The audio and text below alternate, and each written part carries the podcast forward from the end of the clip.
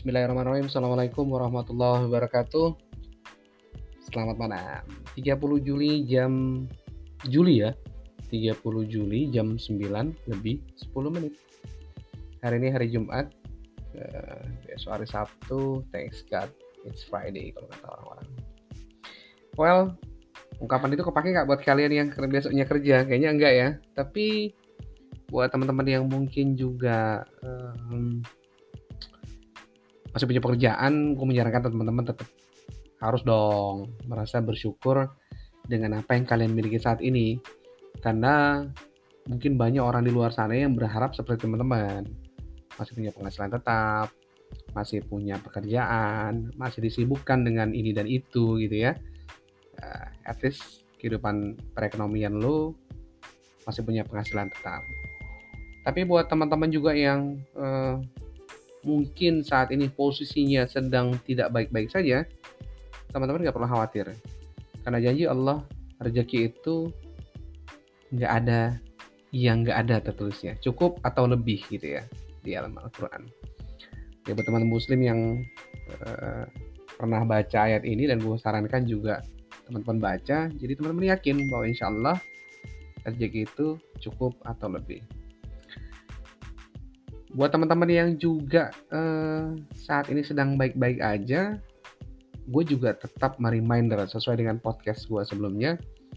Teman-teman, rasa syukur itu yang pertama wajib harus lo ucapkan secara lisan, tapi yang kedua harus ada wujud nyata. Wujud nyat nyatanya tuh apa?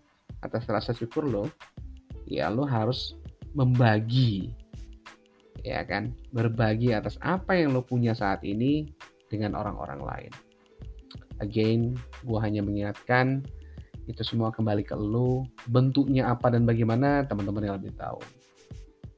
Well, malam ini gue nggak mau bahas itu. Malam ini gue mau bahas sedikit hal yang berbeda. Nggak tahu kenapa gue pengen banget bahas ini uh, sejak beberapa bulan yang lalu ya. Jadi gue kepikiran untuk uh, kepengen banget hal ini gue bahas. Walaupun mungkin untuk sebagian orang ini eh, sebuah hal yang simple, tapi menurut gua karena ini terus dilakukan oleh kita sebagai manusia, kayaknya ada yang harus gua coba eh, sampaikan ke teman-teman. Mungkin teman-teman ada yang udah pernah dengar ini, udah tahu ini, dan udah mengimplementasikannya. Itu alhamdulillah buat gua. Tapi mungkin buat teman-teman yang belum tahu, mudah-mudahan ini membawa hasanah baru, membawa habit baru, dan semoga ini bermanfaat ya buat teman-teman ya. Apa sih yang mau gue bahas? Ada penasaran ya? Mudah-mudahan ini nggak dianggap receh ya teman-teman ya. Oh bahas masalah makan ya. Makan tuh rutinitas ya teman-teman ya. Lo bisa makan mungkin 3 sampai 5 kali kalau digabung sama makan-makan kecil ya. Sama nyemil-nyemil sama jajan-jajan mungkin bisa lima kalian ya. Makan minum atau apa pun itu makan permen, makan kacang gitu ya.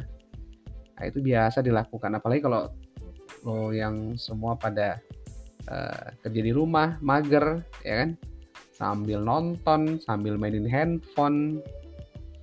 Ya biasanya dibarengin nih sama makan. Tapi gue mau bahas beberapa mungkin uh, apa ya uh, gue mau bilang tips. Ya ini bukan tips karena bukan tips gue karena ini langsung dari manusia terbaik di luar sana ya yang sudah mendahului kita guru kita Nabi Muhammad Sallallahu Alaihi Wasallam. Tapi ini gue terbuka ya berharap teman-teman yang uh, apa namanya yang beragama lain juga boleh dengerin karena uh, sedikit banyak ada nanti manfaat yang uh, gue mau sampaikan dari salah satu poin yang uh, kita jabarkan nanti. Jadi teman-teman ya uh, banyak banget loh ya uh, yang sering banget gue lihat terutama teman-teman yang muslim gue rasa ini harusnya menjadi salah satu patokan yang dasar banget karena menurut Islam itu makan itu sudah diatur. Ya bayangkan dari lu uh, apa namanya uh, makan, lu mohon maaf pas kamar mandi, dalam kamar mandi, lu berhubungan dengan uh, suami istri, kemudian berkendara di jalan, semuanya itu diatur. Bahkan banyak sekali contoh-contoh yang bisa menjadi acuan lo untuk kemudian lo berperilaku seperti layaknya apa yang dicontohkan oleh Nabi Muhammad Shallallahu Alaihi Wasallam. Semoga uh, ini bisa menambah hasanah tadi ya, menambah pengetahuan teman-teman dan syukur-syukur teman-teman bisa implementasikan. Yang pertama, yang jangan lupa teman-teman harus melakukan uh, uh, menyertakan setiap kegiatan itu dengan Allah. Nah, dalam case ini nih, makan awalilah dengan nama Allah, which is Bismillah. Jadi dalilnya uh, gue perlu sebutkan sedikit ya biar menambah uh, kuat lagi ya.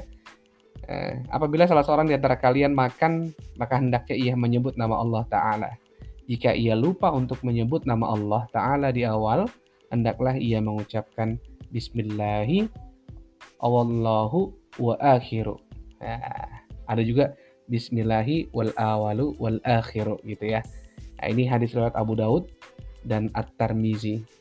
Nah, jadi teman-teman, gue mau menyarankan teman-teman untuk melakukan itu. Kenapa? Dengan begitu, psikologis ya, efek psikologis ya.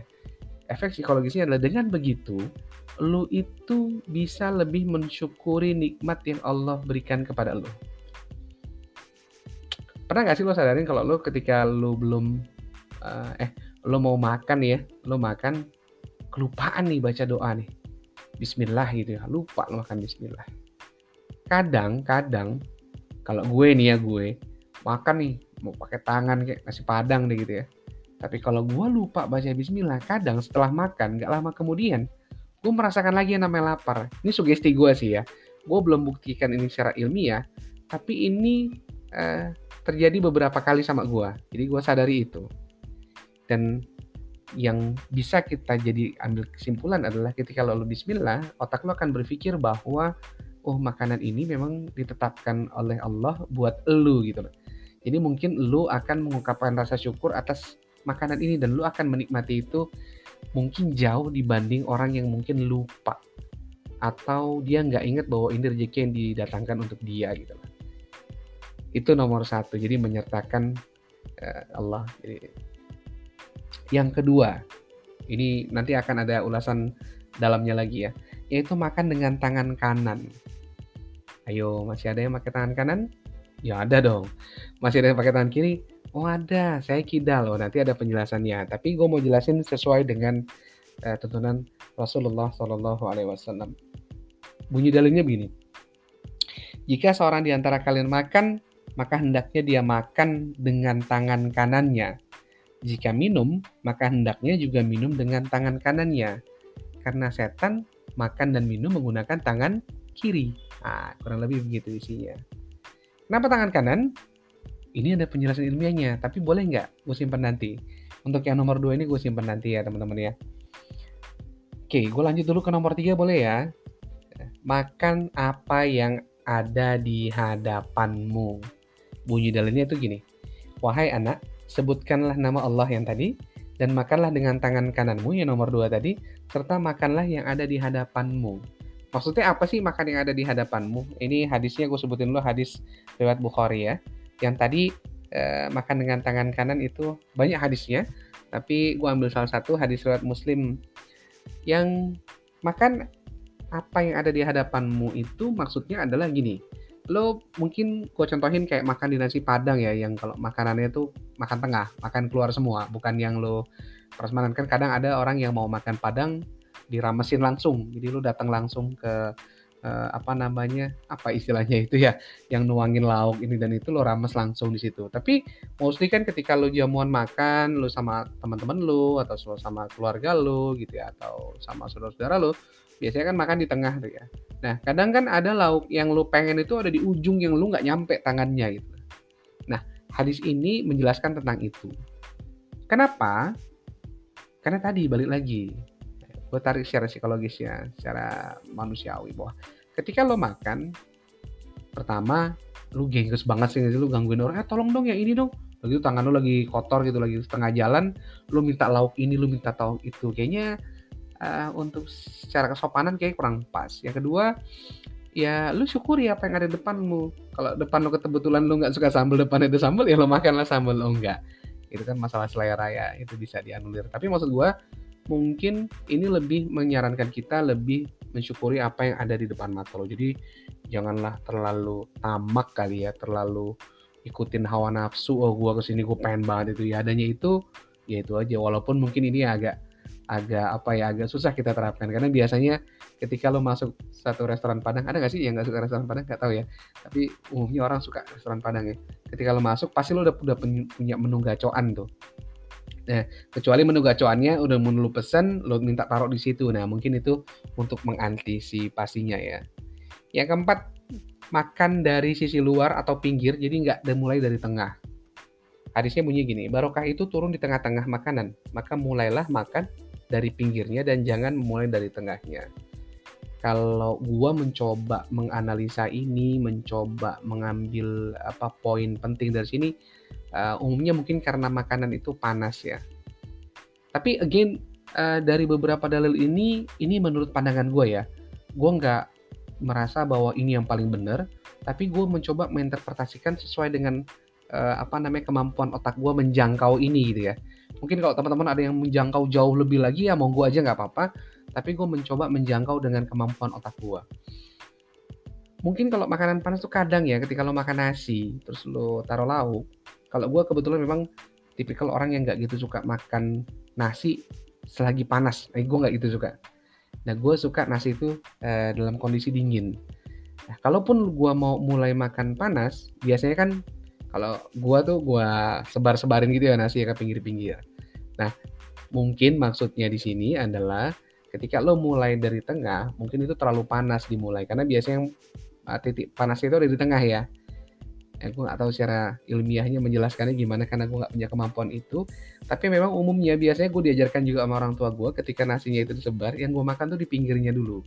Entah ini mungkin karena kebiasaan, entah ini memang secara logik gue gue terima oh iya makanan ini di pinggir itu yang lebih uh, apa namanya uh, dingin lebih cepat dingin ketimbang yang di tengah. Karena tengah mungkin uh, titik tengah panasnya ada situ makanan ngumpul situ gitu ya.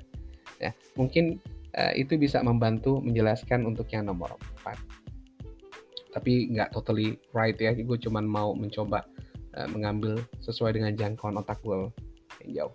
Tidak bersandar ini nomor 5 ya nggak bersandar Nabi Muhammad SAW tuh bersabda, adapun saya nggak suka makan sambil bersandar. Ini hadis riwayat Tirmizi dan Ibnu Hibban. Uh, eh, gue pernah sih ya dulu hmm, nonton sebuah video, video dakwah sih cukup bagus. Dia menggambarkan orang yang lagi duduk berdua sama temannya sambil ngobrol, terus dia minum.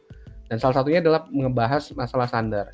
Bahwa sandar itu nggak boleh bersandar gue mencoba mencari dalilnya dan alhamdulillah gue ketemu ini dan oh akhirnya gue tahu memang bersandar itu eh, nggak uh, diperkenankan. Kenapa? Nah, ini again dengan uh, umur gue pengalaman gue dan jangkauan otak gue ya dan lingkungan gue dan lain-lain lah ya gue simpulkan bahwa gue pernah sih nyobain makan ini secara nyender tapi nggak tahu kenapa ketika gue makan nyender gue merasa jauh lebih cepat kenyang cepat kenyang, cepat penuh rasanya perut itu.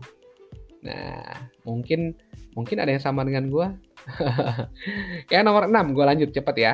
Yang keenam adalah tidak menjelek-jelekan makanan yang nggak kita sukain. Nah, biasanya sering banget nih kalau misalnya um, lo makan di luar nih, makan di luar di restoran atau di warung abang-abang atau di uh, rumah makan lah gitu ya. Ah ini nggak enak nih ya. Jadi bahasanya gini, Tidaklah Nabi Shallallahu Alaihi Wasallam mencela suatu makanan sekalipun dan seandainya beliau menyukainya, menyukainya maka beliau memakannya dan bila tidak menyukainya beliau meninggalkannya atau tidak memakannya. Hadis riwayat Bukhari. Jadi ini terkait masalah etik ya. Jadi eh, kepantasan lo untuk tidak mengomentari masakan orang orang lu gak enak nih. Ya kalau lo nggak suka lo tinggalin. Kalau lo suka ya lo makan aja gitu ya. Tapi gue lebih setuju dengan gue suka makanannya dan gue puji orang yang masak. Nah, itu kebiasaan gue. Yang selanjutnya nomor 8 ah sorry nomor 7 ya. Makan secara bersama-sama dan tidak makan sendirian. Nah, ini termasuk hadis juga nih kebiasaan Nabi Muhammad SAW nih. Wahai Rasulullah sesungguhnya kami makan dan tidak merasa kenyang. Lalu Nabi Muhammad SAW bersabda kemungkinan kalian makan sendiri-sendiri. Mereka bilang iya. Lalu Nabi Muhammad bersabda kembali, hendaklah kalian makan secara bersama-sama dan sebutlah nama Allah, maka kalian akan diberi berkah. Waduh, hadis riwayat Abu Daud. Nah ini bisa jadi nih. Nah gue sih membiasakan diri gue memang uh, gue suka makan sama-sama ya walaupun berdua sama istri gue atau dulu gue sama nyokap gue gue agak menghindari makan sendiri karena apa kalau menurut gue sugesti gue kalau gue makan sendiri kurang resep kayaknya kurang ada lawannya gitu ya ini kalau gue tapi mungkin teman-teman ada juga yang kayak gitu ya tapi ya kalau misalnya uh, lo nggak memungkinkan makan rame-rame ya menginginkan hadis ini nggak wajib tapi kalau bisa lo terapkan ya alhamdulillah insya Allah bisa bernilai ibadah kan ya apalagi kalau diniatkan yang kedelapan, tidak membiarkan suapan makanan yang terjatuh. Dalilnya bunyi gini, apabila suapan makanan salah seorang di antara kalian jatuh, ambillah kembali lalu buang bagian yang kotor dan makanlah bagian yang bersih. Jangan biarkan suapan tersebut dimakan setan. Wah, hadis riwayat Muslim. Ini mungkin maksudnya biar nggak mubazir. Jadi uh, ya mungkin kalau nasi kecil ya, partik agak kecil gitu ya. Tapi mungkin kue gitu ya kue ya buang aja bagian kotor toh yang menyentuh lantai yang menurut kita kotor ya bagian yang itu tapi ya mungkin agak susah diterapkan kalau ini di luar rumah mungkin ya kalau lo lagi makan misalnya mie ayam mie nya jatuh kan nggak mungkin mie nya lo uh, buang tapi ya anyway gak tahu juga siapa tahu ada yang mampu kan ya monggo ini kalau diterapkan luar biasa di uh, situasi suatu situasi tertentu mungkin nggak bisa tapi kalau lo bisa nerapin ya alhamdulillah itu lebih bagus yang kesembilan, nah ini banyak dilakukan orang nih. Apa tuh? Menjilat tangan sebelum mencuci atau mengusapnya. Jadi udah habis makan nih ceritanya nih. Bunyi hadisnya begini, janganlah dia sapu tangannya dengan serbet sebelum dia jilati jarinya. Karena dia tidak tahu makanan mana yang membawa berkah. Tapi kalau nggak salah gue pernah baca artikel ini, cuman gue belum ketemu nanti kalau ada gue bahas ya. Uh, at least mungkin uh, pertama adalah ya lu nggak membiarkan misalnya ada nasi lu makan pakai tangan ya. Nasinya masih nempel di tangan. Sayang banget kan mau bazir kebuang ya kan? Kalau bisa lo jilatin gitu ya. Mungkin buat sebagian orang jorok tapi kalau buat gue sih ya kalau lo makan pakai tangan lo nggak ngerasa jorok kenapa mesti lo jilatin tangan lo sendiri ngerasa jorok toh lo cuci juga kan sesudahnya kecuali lo nggak cuci atau sebelum makan lo nggak cuci jadi eh, ini mungkin bisa lo terapin juga di kehidupan sehari-hari lo yang 10 memuji Allah dan berdoa seusai makan nah ini hadisnya begini. Sesungguhnya Allah Ta'ala sangat suka kepada hambanya yang mengucapkan Alhamdulillah sesudah makan dan minum. Ini sebagai bentuk wujud rasa syukur ya. Jadi ya, lo bersyukur atas apa yang diberikan kepada lu di depan lu dan lu nikmati. Ya Alhamdulillah udah pantasnya kan. Lo bersyukur atas apa yang udah lo nikmatin gitu ya. Yang sebelas adalah mendoakan orang yang menyajikan makanan. Wah ini ada doanya nih.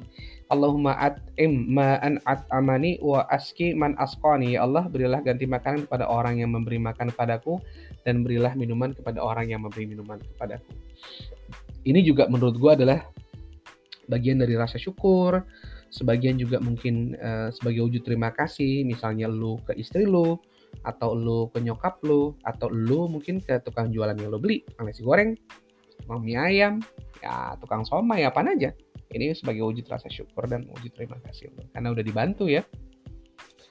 Yang kedua, mencuci tangan untuk membersihkan sisa-sisa makanan. Jika salah seorang dari kalian tidur dan di tangannya terdapat minyak samin atau sisa makanan, kemudian mengenainya, maka janganlah mencela kecuali kepada dirinya sendiri. Ini lanjutan dari yang tadi dalam jadi ya maksudnya baik ya, lo tetap menjaga uh, kebersihan tangan lo setelah makan. Kan nggak mungkin lo habis makan terus lo nggak cuci gitu kan? Uh, khususnya untuk yang pakai tangan ya. Kalau makan pakai sendok mungkin kita masih agak kadang agak lupa. Tapi kalau tangan kayaknya udah harus deh lo cuci tangan karena lo kebayang lo lagi makan habis makan cabe terus mata lo gatel ya oh lo gosok-gosok ya tahu sendiri lah rasanya ya nah tadi gue udah janji sedikit untuk yang uh, nomor dua makan dengan tangan kanan uh, ini ada ada ada beberapa fakta menarik kali ya uh, Uh, tapi gue belum ke situ. Uh, ada beberapa fakta lagi nanti akan gue angkat, tapi ini untuk yang tangan kanan ya. Jadi ada artikel dari ini akurat.co. Jadi uh, bahasanya gini, hikmah makan menggunakan tangan kanan dalam tinjauan ilmiah. Tadi kan ada salah satu poin ya gue bahas masalah tangan kanan. Nah kalau dalilnya tadi udah gue sebutkan, nah ini tinjauan ilmiahnya gimana nih? Nah gitu ya. Jadi kalau tinjauan ilmiah ini cukup uh, menarik sih kalau buat gue kalau dibahas ya bentar ya uh, tadi mana nih hmm, bentar gue agak ada kehilangan karena tadi oh ini dia nih dia nih dia nih dia nih dia Nih, penjelasan gini. Perintah makan menggunakan tangan kanan tersebut mengandung hikmah. Menurut penelitian ilmiah, yaitu bahwa kerja-kerja kita sangat bergantung dengan apa yang dikatakan otak. Bener ya? Ya, lo mau lari, lo mau jalan, lo mau nangis, lo mau ketawa, lo mau berpikir dan lain-lain itu mesti rata dari otak, otak perintah gitu ya. Dalam konteks ini maksudnya adalah gini, ketika seseorang makan menggunakan tangan kanan, maka yang mengendalikannya kan itu otak kiri. Ya dong. Tubuh bagian kanan itu dikendalikan oleh otak bagian kiri dan tubuh bagian kiri berseberangan selalu kan ya. Otak bagian eh, uh, tubuh bagian kiri dikendalikan oleh otak bagian kanan. Berlaku sebaliknya. Nah, berdasarkan penelitian pula otak kiri adalah sorry, bacanya gini ya berdasarkan penelitian berdasarkan penelitian otak kiri adalah bagian yang dapat menghasilkan pesan dan perasaan positif. Jadi, ketika makan dengan tangan kanan dalam kurung dikendalikan otak kiri, ini tulisannya ya, bukan gua ini ya. Karena ini tulisan orang nih, bukan gua aku aku punya gua. Maka perasaan positif akan muncul sehingga makanan bisa lebih terasa nikmat dan akan mudah dicerna oleh tubuh. Nah, lu. Ya enggak, ya enggak, ya enggak. Jadi eh jadi perasaan positif itu muncul dari otak kiri, dikendalikan otak kiri. Karena perasaan positif dikendalikan otak kiri, maka ketika lo makan tangan kanan, maka perasaan positif itu akan muncul sehingga makanan berasa lebih nikmat dan akan mudah lebih dicerna. Tuh secara ilmiahnya, tapi eh, tinjauan ilmiahnya mungkin eh, belum ada ya. Eh, tapi ya um, secara jangkauan otak gue sih ya bisa make sense lah ya. Karena memang betul kan ya uh, tapi ada lagi nih um, gue mau jelasin satu lagi mungkin terkait masalah makan ya. Karena kan gini ya uh, ini kalau mungkin situasi memungkinkan ya lu lebih tipe yang mana? Makan tangan? Makan tangan. Makan langsung pakai tangan atau makan dengan sendok garpu atau ada juga yang udah gede nggak bisa makan pakai tangan. Ada juga. Dulu om gua rohimahullah juga sempet nggak bisa makan pakai tangan. Tapi ini ada penjelasan eh, apa namanya mana yang lebih bersih gitu ya. Mana yang tapi ini nggak dalam konteks kotor ya. Dua-duanya bersih ya guys. Sendoknya bersih tangan kanan kanannya juga bersih. Nah ternyata ada tujuh manfaat makan dengan tangan kanan loh. Eh dengan tangan maksud gua. Tangan kanan tadi udah bisa geser. Yang pertama adalah melancarkan proses pencernaan mau apa hubungannya makan tangan sama proses pencernaan?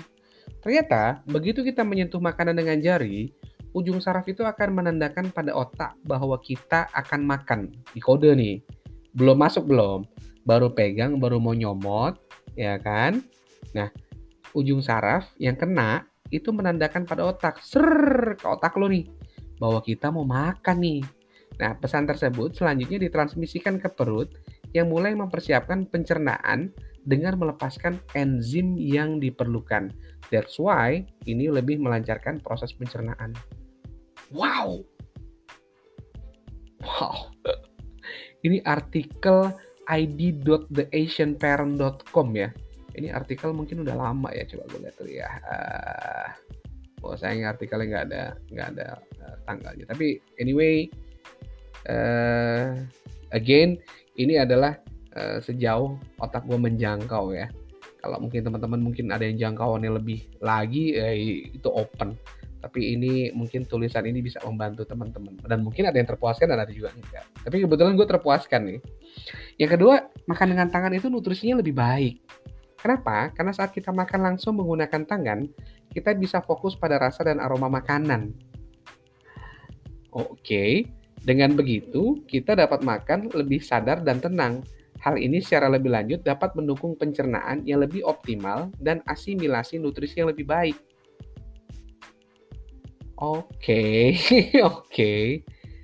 Eh, gue masih belum dapat tapi ya sih kalau lo makan yang pakai sendok sama garpu mungkin feelnya masih belum dapet ya pada sama rasa sama aromanya tapi kalau udah makan pakai tangan ya tapi balik lagi sih makanannya apa dulu ya uh, eh, gue masih belum belum dapet yang ini nomor tiga gue skip dulu ya sekarang nomor tiga deh meningkatkan kekebalan sistem pencernaan jadi katanya gini banyak bakteri baik yang menempel di setiap jari orang oh oke okay.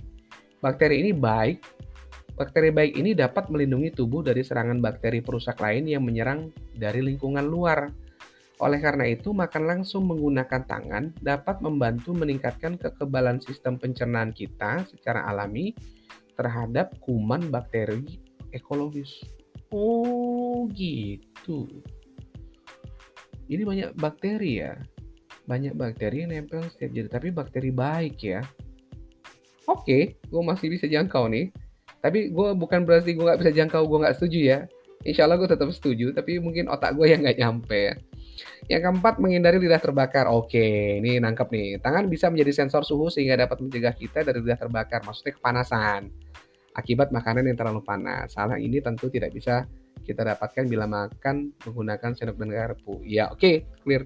Kecuali mungkin makannya berasap ya. nah, itu mungkin kelihatan ya. Lima, meningkatkan sirkulasi darah. Oke.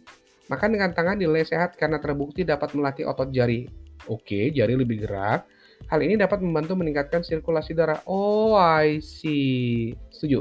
Gerakan tangan dapat membantu meningkatkan aliran darah yang lebih baik sehingga secara positif mempengaruhi kesejahteraan tubuh secara keseluruhan.